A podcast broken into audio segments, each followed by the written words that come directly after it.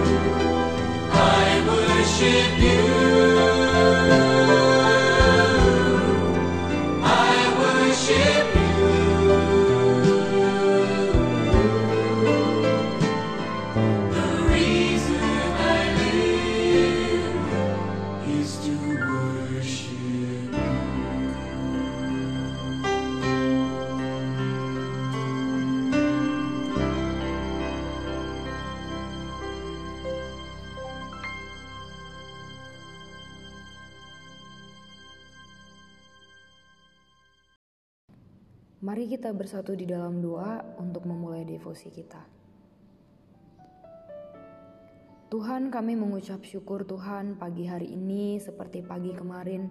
Tuhan kami boleh bangun dari istirahat kami, kami boleh bergerak, kami boleh berkesempatan juga untuk berkumpul, berdevosi seperti pagi kemarin, hari ini Tuhan. Kami undang Kau hadir di tengah-tengah devosi kami secara pribadi Berkuasalah Tuhan atas setiap hati dan juga tindakan kami di sepanjang hari ini.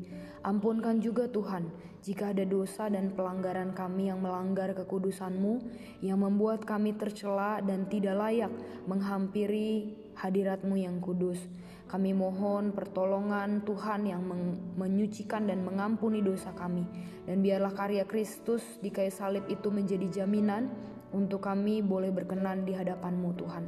Bapa, Kau kiranya yang boleh tolong kami sekali lagi, kami undang Kau hadir di tengah-tengah devosi kami. Dalam nama Tuhan Yesus, kami berdoa. Amin. Renungan hari ini dari 21 September dari Keluaran 15 ayat yang ke-11. Siapakah seperti engkau mulia karena kekudusanmu?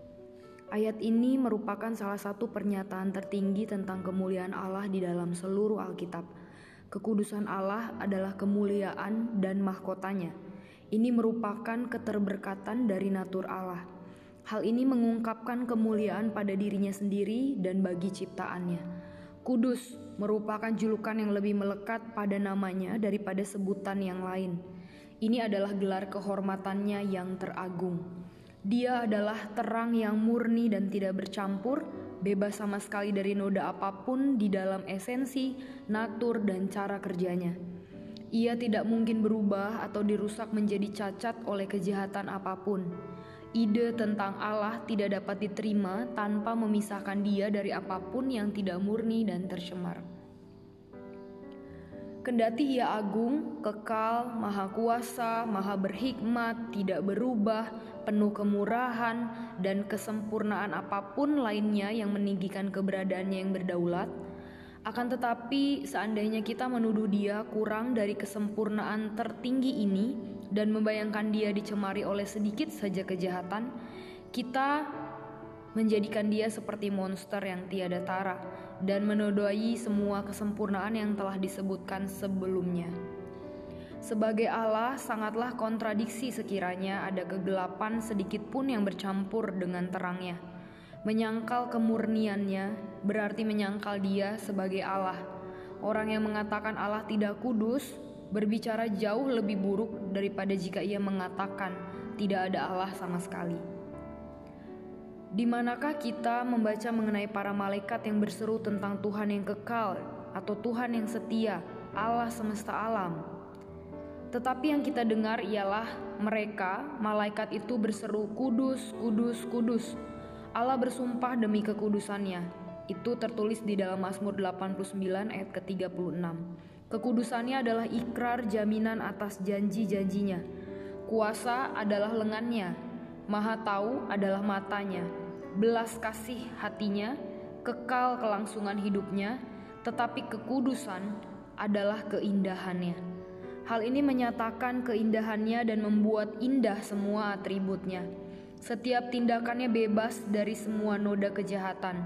Kekudusan adalah mahkota dari semua atributnya, inti kehidupan dari semua ketetapannya, dan gemilang dari semua tindakannya.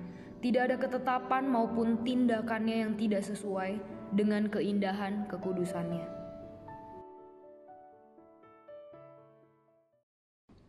Mengapa kita harus hidup kudus? Beberapa jawaban di antaranya adalah supaya lebih suci, supaya masuk surga, supaya hidup lebih nyaman, lebih banyak ketenangan. Uh, kalau hidup kita nggak kudus, nggak enak dilihat orang lain, kita ini kan orang Kristen. Sampai kepada alasan yang nggak salah sih, kenapa kita hidup kudus, yaitu supaya Tuhan dimuliakan. Kuduslah kamu sebab aku kudus. Kita bisa telaah kalimat ini dalam beberapa poin. Yang pertama, Allah itu kudus. Dalam renungan tadi dinyatakan bahwa kudus merupakan julukan yang lebih melekat daripada sebutan Allah yang lain. Gelar kehormatannya yang agung, yang tidak berubah atau dirusak dan menjadi cacat karena kejahatan apa pun. Yang kedua, kuduslah kamu karena Allah itu kudus. Kita pun harus kudus karena nggak match kalau Allah itu kudus, sedangkan kita kudis. Seperti kita adalah anak-anak orang tua kita yang mewarisi sifat dan gen dari papa mama kita, demikianlah hendaknya kita kudus karena Bapa kita di surga demikian. Yang ketiga, yang menurut saya encouraging banget sih. Kenapa kita harus hidup kudus?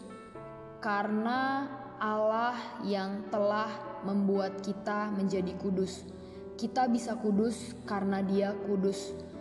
Karya penebusannya yang telah kita terima menguduskan kita dan memisahkan kita dari cacat, celah, noda, dan dosa.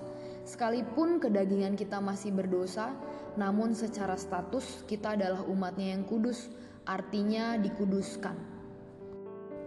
Selamat menikmati makna dan menyelami arti kekudusan Allah di dalam kehidupan kita. Tuhan memberkati, mari kita berdoa.